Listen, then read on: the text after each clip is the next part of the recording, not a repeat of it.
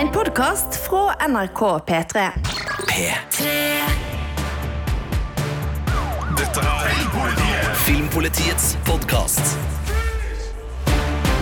Velkommen til Filmpolitiet med Sigurd Vik, Birger Vestmo og Ingvild Dybfest Dahl. Årets beste filmer står på menyen i denne episoden. Det er Birger Vestmo, anmelderen som ser aller mest film i Filmpolitiet, som har satt opp lista, men før vi serverer årets ti beste, så er det jo fint å oppsummere filmåret litt. Og eh, Birger, hvordan har filmåret 2023 vært, syns du? Det har vært Barbenheimer. Altså, det er jo ikke noe tvil om at eh, det fenomenet vi fikk i juli med både Barbie og Oppenheimer på samme dag, har satt et uh, kraftig preg på filmåret 2023. Uh, Greta Gørvigs Barbie har faktisk blitt årets mest innbringende film på verdensbasis, og den er også den mest sette i Norge i år, med 662 1000 besøkende, og det er jo helt spinnvilt mange folk, det. Er en hvilken som helst eh, film. Så før 2023 starta, så hadde ikke jeg tenkt at Barbie kom til å stå igjen som den store vinneren av 2023, men det har altså skjedd, og det er jo en film som fikk terningkast eh, fem av oss her i Filmpolitiet. Nærmere bestemt deg, Sigurd Vik. Skal jeg få kjeft nå for at jeg har eh, gitt for lav eller for høy terning til, til Barbie? Nei, det skal du ikke, for jeg har jo sett den sjøl nå ganske nylig, faktisk, og jeg syns jo det var en morsom, fornøyelig film som jo leker med merkevaren Barbie, og ja, den skildrer jo disse evige gnisningene mellom menn og kvinner, mellom patriarkatet og matriarkatet, på fornøyelig eh, vis, eh, med en edge som eh, det er ja, det er bra at Mattel, da, selskapet bak Barbie, gikk med på å få sin kjære merkevare skildra på den måten som Greta Gørvig har gjort. Eh, så det er vel det som står igjen som det største minnet fra 2023, sjøl om Barbie ikke er med på min topp ti-liste over årets beste filmer. Den er god, men den er ikke så god som eh, de ti jeg har valgt ut da på min personlige liste, for eh, det er da min smak som avgjør her, og der var det ti andre filmer som nådde høyere opp. Men ellers så må jeg jo si at eh, Tom Cruise har eh, både gleda og skuffa litt, fordi mm, det var jo på forhånd forventa at Mission Impossible Dead Reckoning Part 1 kom til å bli sommerens store filmslager. Eh, det ble den jo ikke. Altså, mange så den, men ikke så mange som man hadde kanskje trodd på forhånd. Kanskje begynner folk å bli litt lei av eh, Mission Impossible-serien. Kanskje Tom Cruise ikke lenger er den eh, store stjerna som han en gang var. Eller var det det at Barbie og Oppenheimer kom uka etter, og dermed så havna den litt i kinoskyggen, rett og slett, i, i sommer? Det var vanskelig å spå, men jeg likte jo den også, ga den også terningkast fem, så jeg syns ikke Tom Cruise gjorde seg bort, også da på norgesferie denne gangen, med et spektakulært motorsykkelhopp i norsk fjellheim. Ellers så har jeg jo hatt flere gode opplevelser på diverse filmfestivaler, og det er litt interessant, fordi der har jeg sett noen utrolig gode filmer som ikke er med på topp ti-lista fordi de ennå ikke har hatt norgespremiere. Altså, det gjelder da The Zone of Interest, som vant eh, prisen som heter Grand Prix i Cannes. Det, det, det er da andreplassen. Um, mens Poor Things av Jorgos Lantimos med Emma Stone i hovedrollen, den vant jo Gulløven på filmfestivalen i Venezia. Og den har jeg anmeldt til terningkast eh, seks. The Zone of Interest har jeg ennå ikke anmeldt. Begge kommer i løpet av januar 2024, så de kommer til å være aktuelle da så det synger på neste års eh, topp ti-liste fra meg. Men jeg har altså plukka ut uh, ti verdige skal vi si vinnere, for alle på min personlige topp ti-liste er vinnere. Men, men før vi kommer så langt, hva med dere to, Sigurd og Ingvild, start med deg først, Ingvild. Eh, har du et par favoritter fra filmåret som har gått? Ja, selv om jeg må jo si for meg så har det jo vært et fattig filmår, og ikke fordi det har vært dårlig tilfang, men fordi jeg bare har sett så mye serier at jeg har forsømt meg på filmkunnskapen. Men eh, noen av mine favoritter må jeg faktisk si blir eh, Hør hæra, den norske småfrekke filmen fra Kaveh Terani basert på Gulrais Sharifs kritikerroste roman. Eh, den var for meg sånn friskt pust og ganske morsomt. Så den sammen med venner på kino og lo altså veldig mye. Selv om jeg kan være enig i mye av Birgers fireranmeldelse, så må jeg si jeg personlig koste meg veldig godt med den. Og den andre er faktisk også en film jeg så på kino. Det virker jo som mitt eneste kriterium her er det at jeg har ledd av ting på kino, men eh, jeg koste meg veldig da jeg så There's Something In The Barn, altså Magnus Martens nye julefilm, som eh, jo eh, Birger har vært inne på, ligner, minner en del om Gremlings. Eh, og den der sjarmerende 80-tallsnostalgien kjører fullt på norske klisjeer og litt jul litt gladvold blanda oppi fjøsnisser og amerikanere som ser med rosenrøde briller på Norge, det falt i smak hos eh, meg og publikum. Jeg har um, lyst til å trekke fram en eh, film som dessverre ikke ble anmeldt av Filmpolitiet, men som ble anbefalt i vår radiosending, og som uh, hadde en, en uh, Jeg tror det er en, en, film som hadde en litt uavhengig distribusjon, nemlig den japanske Godzilla minus one. En skikkelig skikkelig blockbuster kombinert med krigsdramaer fra andre verdenskrig, som både er meget underholdende fordi ja, eh, Godzilla er svær og kul og beveger seg på litt andre måter enn vi er vant til fra uh, Monsterverse-filmene som har vært på kino fra USA nå, med Godzilla og Godzilla versus Kong og, og de her filmene. Det er en litt mer sånn Husker dere når dere leika med store monster i, i liksom øh, over sandkassa, så, så, var det en sånn spesiell måte leka går på, som er litt sånn stokkato og litt sånn vugge fra side til side.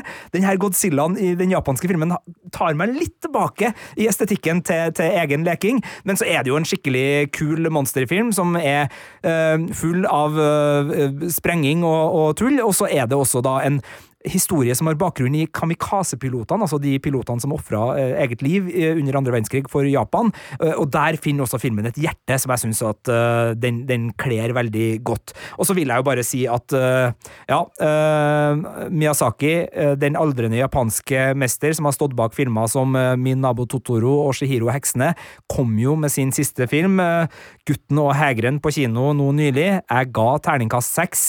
Den tror jeg fremdeles det er mulig å se på kino, og den anbefales virkelig. Det var en av uh, de beste animasjonsfilmene jeg har sett på, på lenge, uh, sammen med en som jeg tror Birger skal snakke om uh, litt senere på, på, på, lista, for den er oppe der.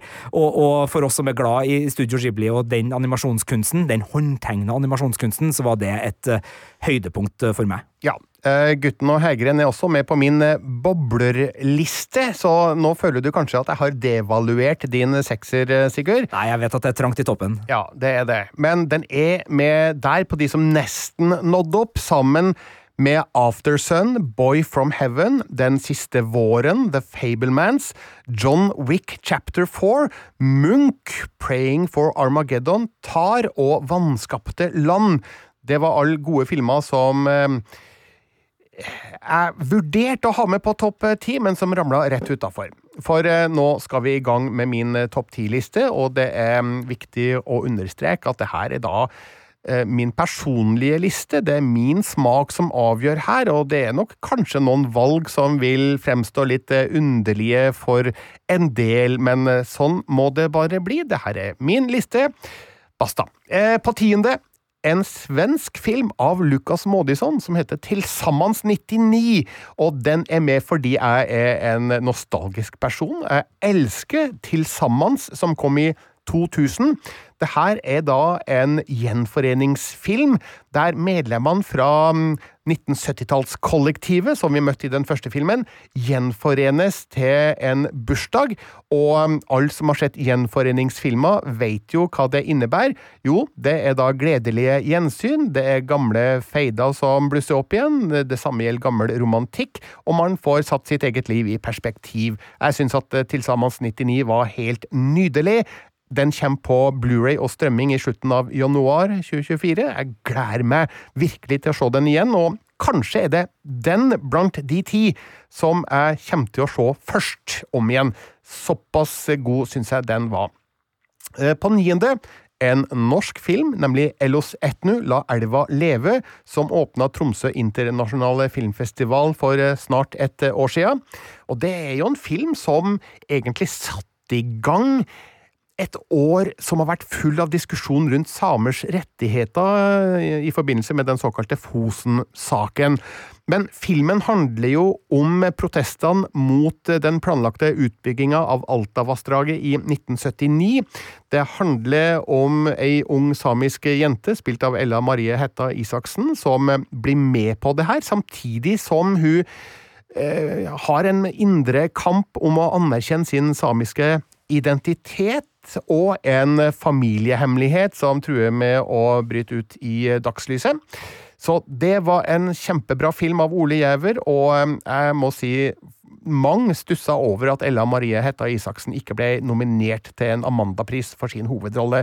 Ikke til forkleinelse for de som ble nominert, altså, det er viktig å si, men hun gjør en såpass god innsats der at hun burde ha fått en pris, eller en nominasjon i det minste. På åttende, Decision to Leave, en sørkoreansk film som jeg så på filmfestivalen i Cannes i mai jeg så den der og skjønte at oi, her var det mye å ta tak i og mye å prosessere og bearbeide, så jeg lot være å anmelde den da. For jeg hadde jo den luksusen å kunne vente til den fikk norgespremiere eh, med å se den da en gang til. For det her er en film som krever flere gjennomsyn. Det er, det er så mye som foregår i den. Det er så mange små nyanser og, sånn, og små frampek og små vink i historien som gjør at eh, Eh, det lønner seg å se den flere ganger for å kunne forstå alt den eh, forteller, da, om en politimann som blir betatt av kona til en mann som blir funnet død. Og så vekkes det en mistanke om at uh, denne kona kanskje har noe med det dødsfallet å gjøre. Uh, dette er jo en uh, film av selveste Park Chan-wook, så det er en film jeg absolutt anbefaler alle å se. 'Decision to Leave'. På sjuende Maestro av og med Bradley Cooper, som både regissør og hovedrolleinnehaver.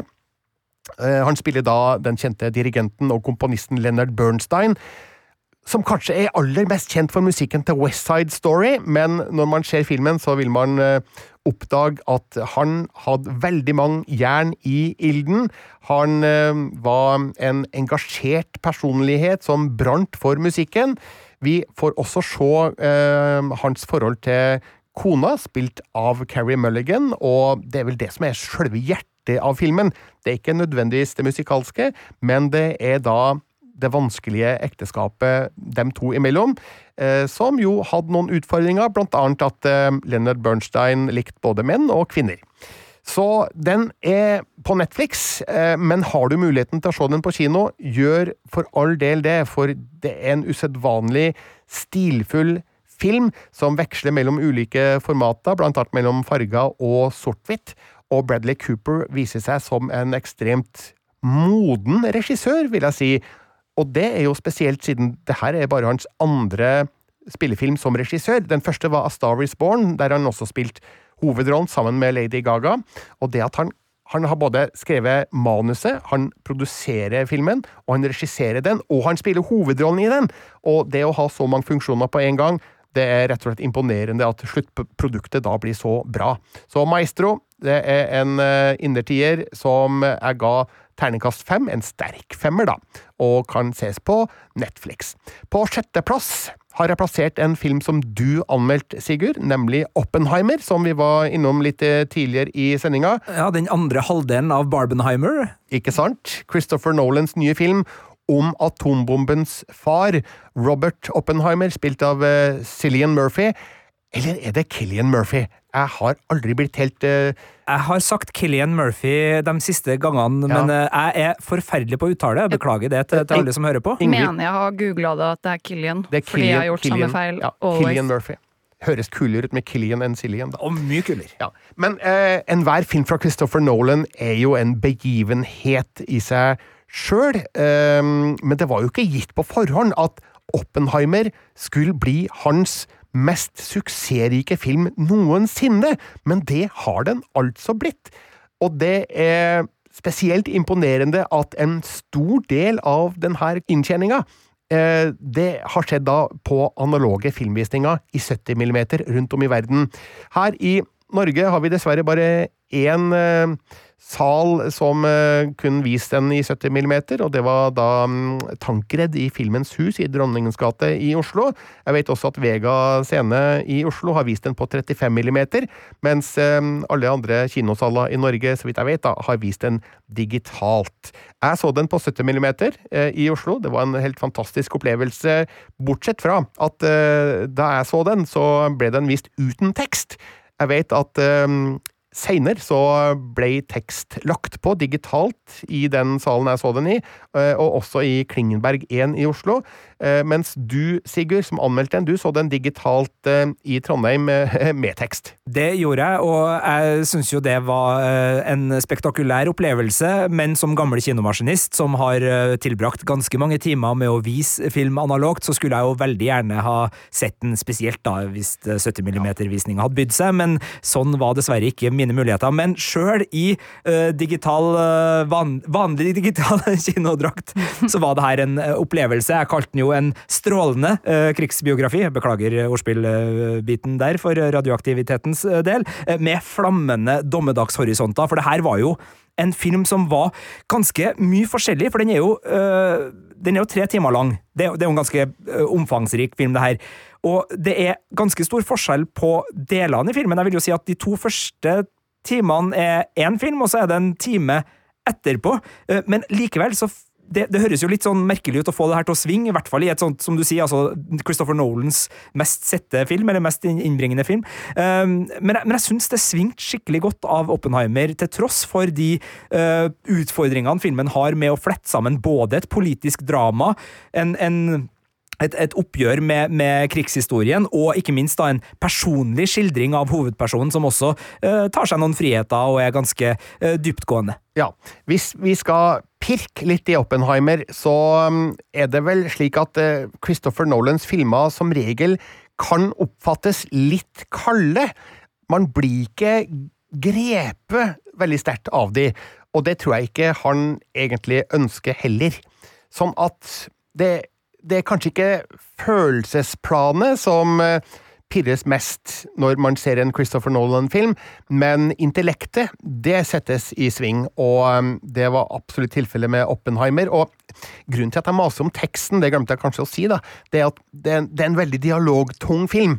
Sånn at det å se den uteksta på 70 mm, sjøl om det visuelle var helt fantastisk, gjorde at uh, jeg gikk glipp av en del dialog som var litt vanskelig å oppfatte. Men jeg så den jo da på 4K UHD Blu-ray nå tidligere i desember, og um, ja, det, det hjalp meg faktisk litt til å henge mer med i historien, da.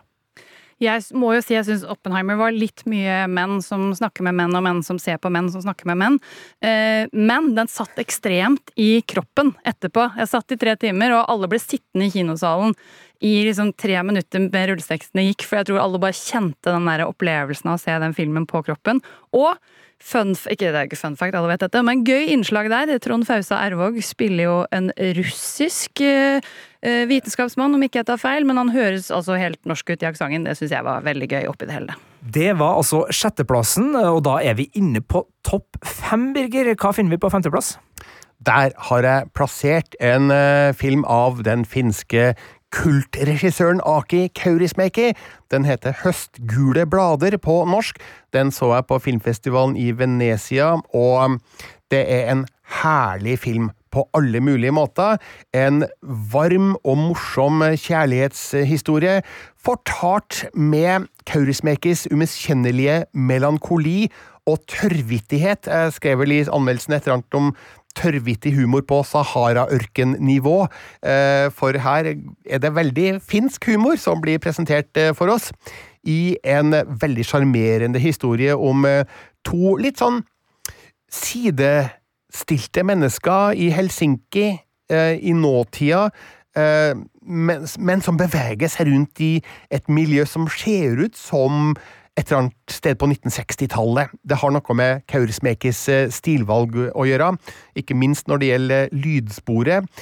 Eh, de, de møtes på en karaokebar. Eh, det oppstår jo et forhold mellom de, men de har litt vansker med å få det til å ta av helt, av noen forviklingselementer som jeg ikke skal gå nærmere inn på her. Men jeg storkoste meg. Jeg, jeg, jeg lo Jeg grein kanskje ikke, men man blir rørt også, fordi det her er en sånn type naiv kjærlighetshistorie som vi ikke får fortalt så mye på, på kino, men som bare fungerer så godt da i Aki Kaurismekis strek. Ja, jeg kaller det strek, sjøl om det er jo ikke en tegning eller et maleri, det her, men uh, hans filmer har, en, har et helt eiendommelig særpreg, uh, som mange har sett i for eksempel Juha og Mannen uten minne og Le Havre og Den andre siden av håpet. Uh, ja, og Leningrad Cowboys Go America kan jeg ta med her, da, sjøl om det er en litt annen type film. Men uh, Høstgule blader har jeg kalt en skjønn og sjarmerende filmperle, og det ble terningkast fem, uten at jeg helt kan akkurat pinpointe hva jeg har trukket for nødvendigvis uh, her. det må eventuelt ha vært at avslutninga er litt enkel, kan vi si, men den står samtidig i stil med det Kaurismäki gjør tidligere i filmen, for eh, det er en enkel historie, men den er gjort med, med stil og særpreg og store doser med sjarme. Så Høstgule blader, folkens, en, en, av årets aller, aller beste filmer, og i hvert fall hvis du er fan av Aki Kaurismäki, så er det her en må-sjå-film. Er det noen andre her i redaksjonen som har sett den ennå?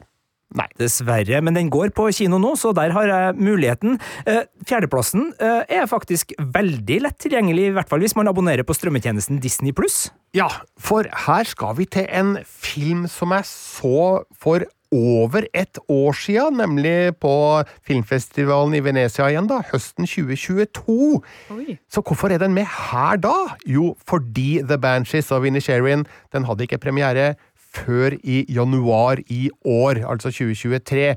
Og den lista vi nå er inne i, den er eh, laga med filmer som hadde norgespremiere i år.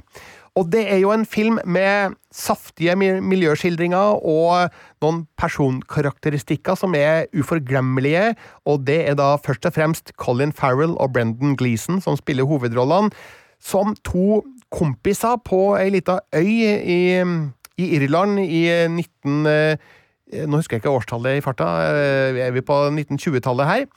Og ehm, plutselig så vil den ene ikke lenger ha noe med den andre å gjøre.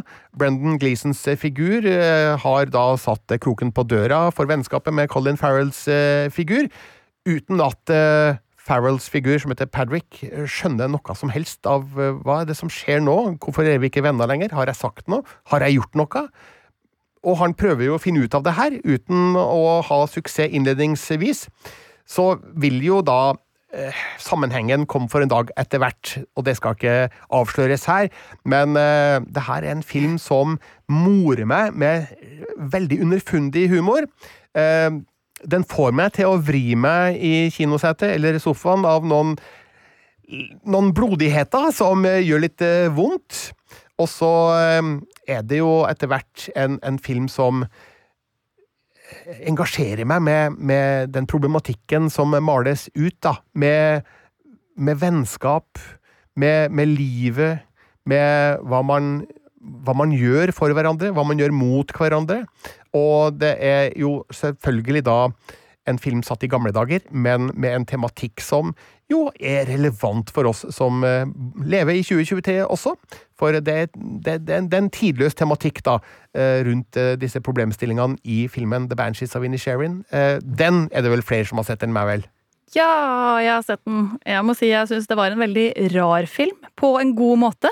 Altså, det er jo så mye som skjer i den filmen hvor man sitter og tenker hva i alle dager? Og så selvfølgelig Colin Farrell og Brendan Gleeson, supergode i sine roller. Men jeg må også si Barry Keegan som eh, birolle som vel en slags landsbyidiot. Eh, utrolig sterk rolleprestasjon. Det er, helt, det er, helt, korrekt. Vi må også da si at Martin McDonagh er mannen som har eh, skrevet og regissert The Banshees of Inisherin.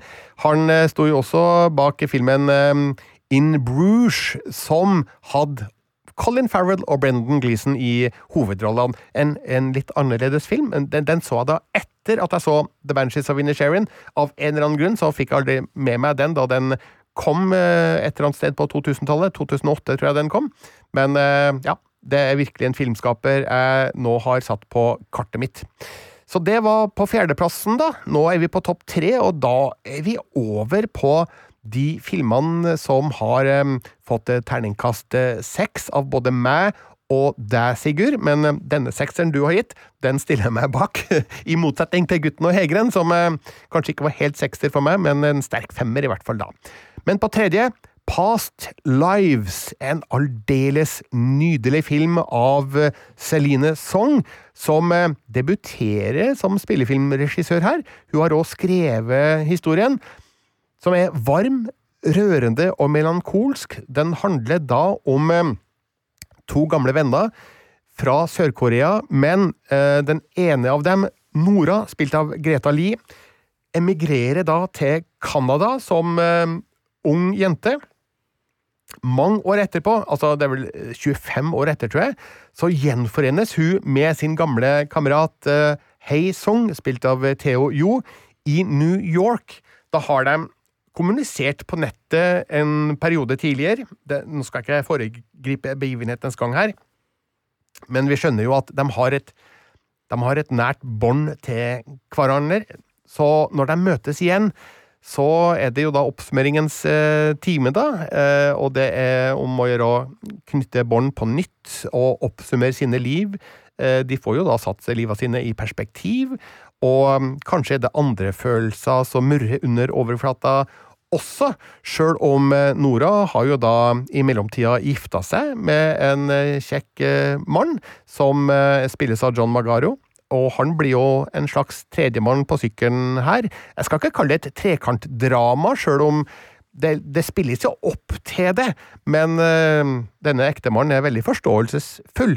Men øh, filmen eh, forteller oss om vennskap og kjærlighet og de veivalga vi gjør i livet. Det her høres jo ut som eh, gjenvendende tematikk da, i mine favorittfilmer i år, men eh, jeg har da bare én innvending mot eh, Past Lives, og det er at den, den er for kort.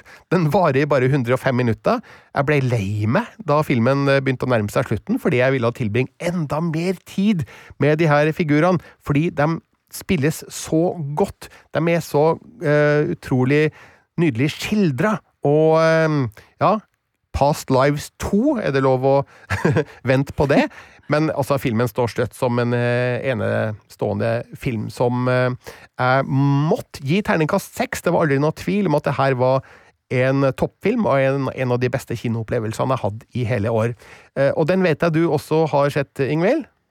Ja, jeg så den. En av de finere kinoopplevelsene jeg har hatt i år. Eh, Du brukte ordet subtil. Jeg tenkte at den er veldig sånn likefrem.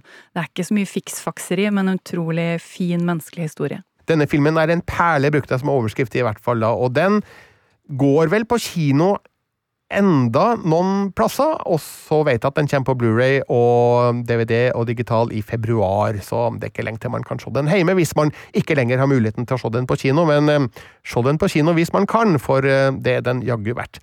Da er vi på andreplassen, da, og det er en film du har anmeldt, eh, Sigurd Vik, nemlig Spiderman Across the Spider-Verse.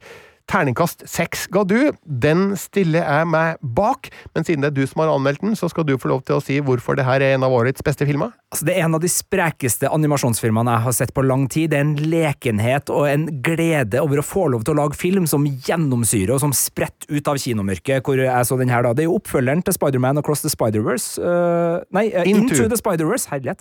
Uh, som da var en glimrende førstefilm, og så kommer det også en ny film. Og det er litt spesielt å gi terningkast seks til en mellomfilm, for du vet jo liksom ikke helt om den slutten på film nummer to kommer til å stå igjen som en fantastisk overgang til film nummer tre eller ikke, men, men jeg likte det her kjempegodt, og øh, syns øh, av superheltfilmer i år, så var det her den klart beste. Ja.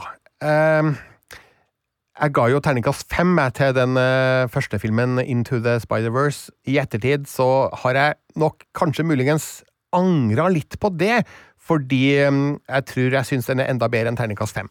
Men i hvert fall Across the Spider-Verse en helt klokkeklar sekser på terningen. Det her er stor, ambisiøs, modig og leken animasjon på sitt aller, aller beste.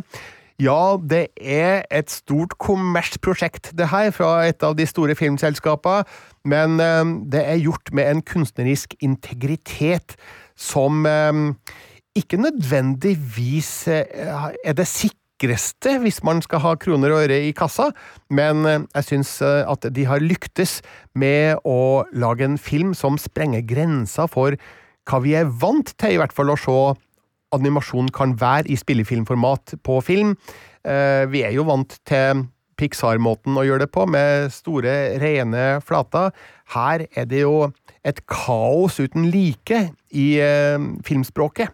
De stilvalgene som er gjort i streken her, er prega av en vilje til å prøve ting som gjør at eh, ja, det her er en glede å oppleve. Så Spiderman Across the Spider-Verse, årets nest beste film, men på toppen Killers of the Flower Moon av Martin Scorsese, som jeg så på filmfestivalen i Cannes. Jeg dro til med en sekser på terningen, og nå har jeg ikke sett filmen siden kan, og det begynner å bli en stund siden, men jeg står fremdeles inne for den sekseren, og at det her er årets beste film.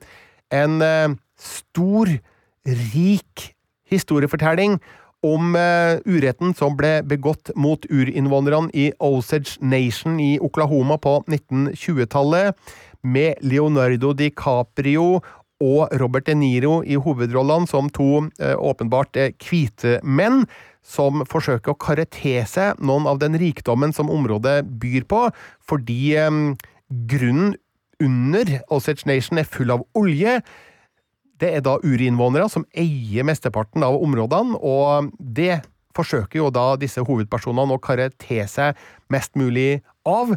Lily Gladstone spiller da Molly, som er en av Osage-folket, som gifter seg med Ernest, spilt av Leonardo DiCaprio, og hun blir jo kanskje våre øyne inn i problematikken her, for eh, filmen beskriver jo med all tydelighet hvor pressa Osage-folket er, og um, hvilken uh, urettferdighet som hersker i området, der de hvite folka tar seg til rette og utsetter Osage-folket for store traumer.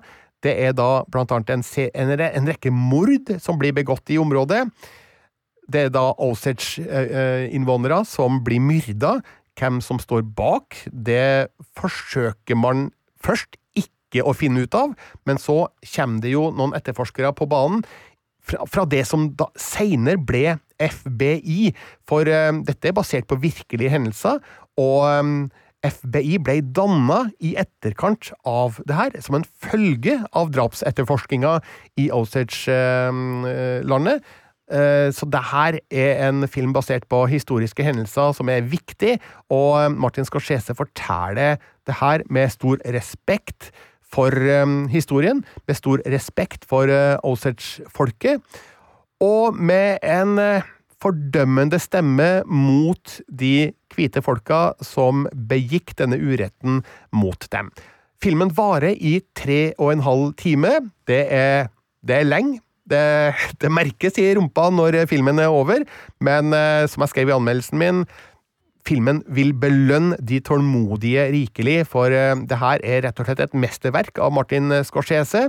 Jeg vil nok fremdeles rangere Taxi Driver og Raging Bull og Goodfellas eh, et hakk over, men eh, terningkast seks var helt eh, klart for uh, Killers of the Flower Moon, som kommer på Apple TV pluss én gang på nyåret. Nøyaktig dato er ennå ikke kjent når det her spilles inn, men sannsynligvis så snakker vi januar måned når den kommer på Apple TV pluss, for den som ikke rakk å se den på kino. Så da har da har jeg kommet med fasiten, altså. 'Killers of the Flower Moon' var best i 2023. Det er en eh, liste eh, preget av Birger Vestmos personlige smak, men det er jo en fortreffelig smak, raffinert gjennom over 25 år i filmens tjeneste som anmelder her i NRK. Eh, så da har dere den. Og dere kan også gå inn på p3.no filmpolitiet og lese Birgers liste der. Der er det god omtale av alle ti filmene og boblene, og det er mulig å klikke seg inn i de ulike anmeldelsene, og så får man også en liten oppsummering av filmåret som har gått. Og med det så sier vi tusen takk for oss her i Filmpolitiet, og så kommer vi tilbake på nyåret med både filmene og seriene vi gleder oss til. En podkast fra NRK. Hei, jeg heter Ingrid Waaler. Synes du Love Island er mer interessant enn Premier League? Ingen kommentar. Da er trash noe for deg. I'd like to know what's going on between Carly Kloss and Taylor Swift. Hver uke inviterer jeg deg og en gjest til å menge oss i all den deilige søplete popkulturen som finnes der ute. Hør Trash i appen NRK Radio.